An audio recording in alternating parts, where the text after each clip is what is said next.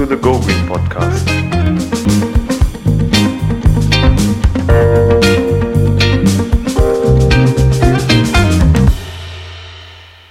Welcome back to a new episode of Green Talks with Go Green. In this format, we discuss different environmental topics with young and engaged people. Today I'm here with Jana and Andrej. Very happy to have you guys here today. And you're high school students and you had this eco project in your school, right? Yeah. Uh, can you tell me more about it? How was it like? Uh, well, our teacher, we had a whole uh, unit about uh, the earth and nature, and our project was uh, to uh, make to see different aspects of how young people could engage in making the world a greener place. So our teacher gave, gave us different topics, and we each uh, made a presentation and a project about them. And the overall goal was to encourage us to try and be better when it comes to the planet and Nice, nice. So your research was about um, the Earth Overshoot Day.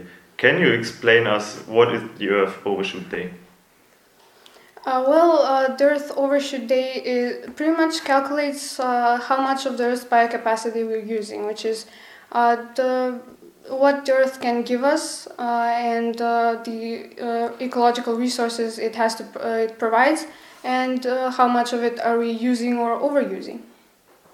Biocapacity, what exactly is that? It is the ecological resources the Earth uh, provides. For example, um, coal for producing energy and uh, other things like that that the Earth gives us, and Mhm. how much we are using it.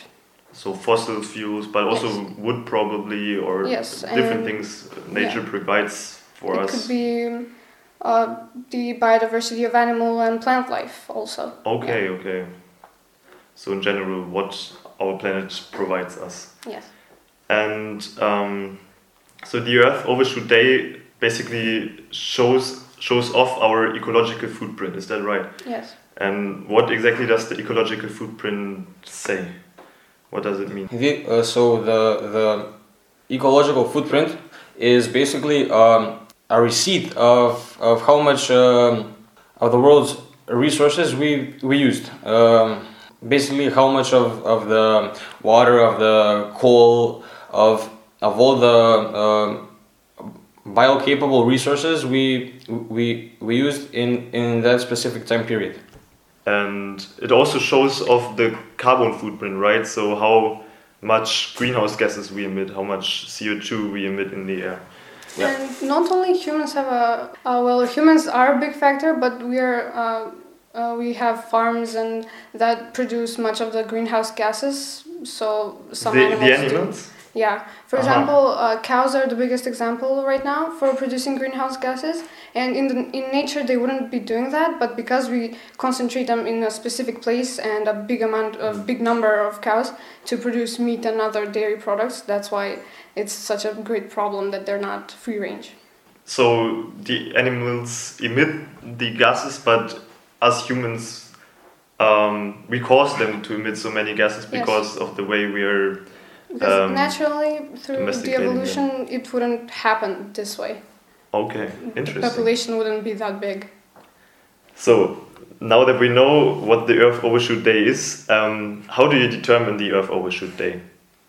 Well, there are lots of math, math involved because you have to divide the Earth's biocapacity and ecological resources with the human uh, ecological footprint, which is a very um, difficult process, and that's why that's why we think it's not very accurate. But it is good enough to encourage people to say, "Hello, we're, we're using too much of our of what Earth has, so maybe we should stop." And the later the date is, the better but our date is pretty early this year. It's like the 29th of July, so that's not good at all. So it basically says at the 29th of July, whole humanity use all the resources we should have used in the whole year, right? Yes, we've used already. So what we we're doing now, we're this is borrowed time basically. Hmm. Uh, if the if the date is later, then it means that we have enough to sustain our way of living, but we don't. And some countries uh, do have a later date. Some countries that uh, underuse their biocapacity, such as uh, the Amazon. Well, the Amazons, maybe Africa or Brazil, they're pretty good, but places like America or China, they're way, way further than they Hmm. should be. So uh, there's an Earth Overshoot Day for whole humanity, but also every country has its own. Yes. Yes, that is pretty specific for each country. Um, uh, its its factors are are all um, derived from uh, the the specific country's uh, statistics. Uh, so so every country has a, a specific date. For for example, our country's one was like in the in the end of um, of uh, when was I it summer May.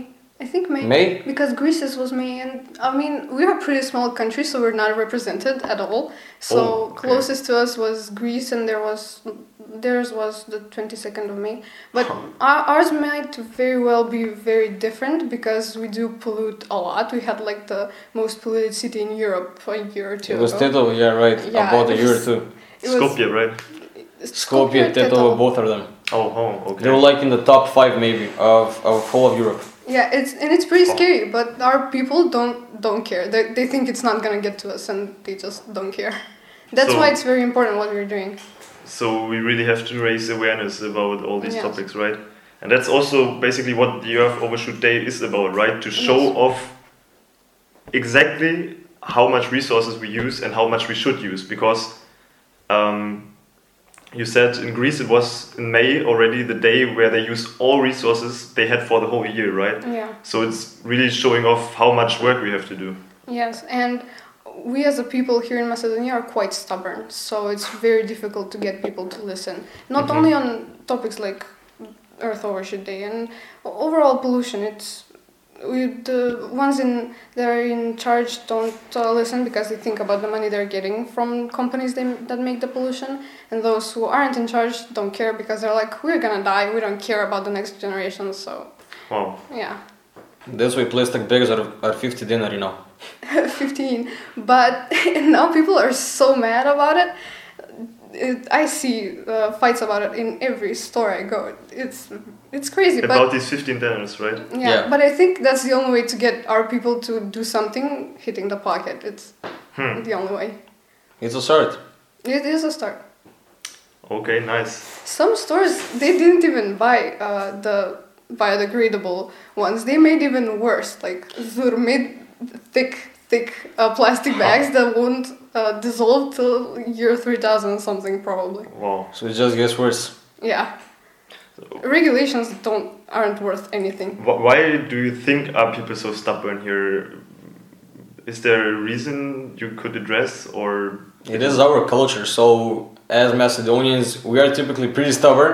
For for example, uh, we we have frequent fights with our neighbors about silly things. Uh, Okay. For for example, who who parks where? Uh, that's that that is a pretty big issue here. But I I guess it's just in our in our culture. It's in our blood. okay? that is a very good question and a very complicated one because we as a people don't see ourselves that way but we are very stubborn in comparison to other countries uh, especially i don't want to get into politics but we are stubborn and it's difficult for the people that are younger and that want to do change Mhm. to make others listen, especially older people. When it comes to uh, not only uh, changing the way we live uh, to make our planet a greener place, our our country a greener place, but also stuff like sexism and other very big issues that won't get resolved just because people think we're gonna die anyway.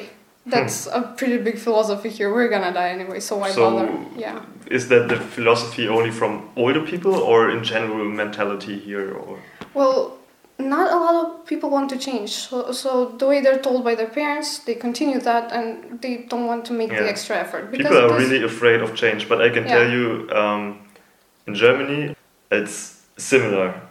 People are always afraid of change, and it's probably the same with the plastic bags right now.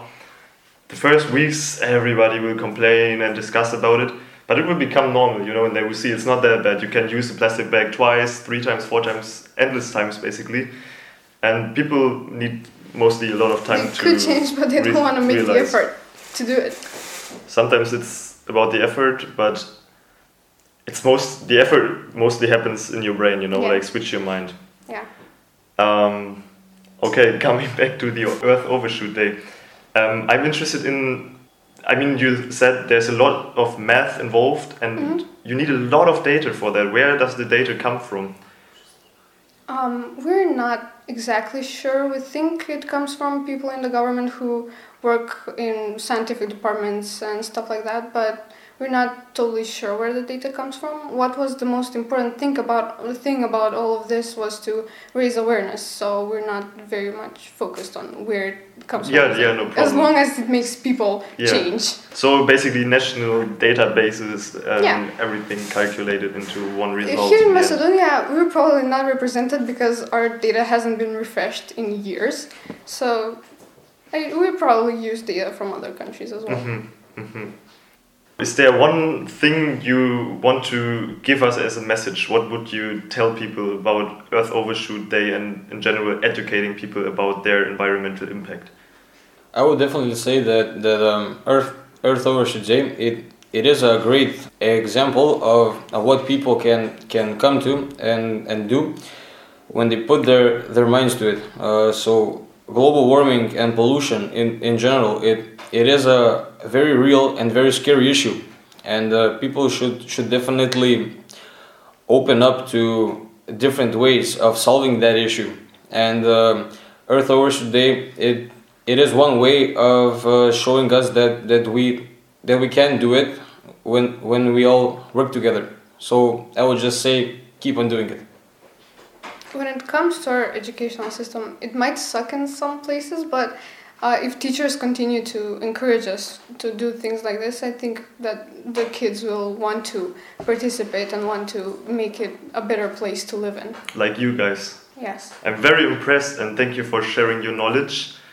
I hope we all um, will consider the Earth Overshoot Day more often now, and you can look it up in the internet, I think. Yes. And also, the, I um, I know that there are personal, like individual carbon or ecological footprint calculators, right? Yes, also a very in- in interesting thing to do. Yeah. It's it, it's a site that makes it fun for you to put in information and it tells you how bad you're doing or how good. so I think that could engage a lot of people. Yeah, that's great. It basically shows personally for you how, how much resources you are using and what happens if everybody would use as much resources as you are using, right? Yes. So basically, kind of gives you. scare people, a lot of people, but Yeah. they should be scared. We should be. I agree. All right, thank you, Jana and Andrej, Thanks for For having this- us. Yeah. for this discussion. You just listened to Green Talks, a podcast made by the organization Go Green Macedonia about any kind of environmental issues, movements, and solutions. If you want to find out more about the work Go Green is doing, you can check out our Facebook, Instagram, or the webpage. Thanks for listening.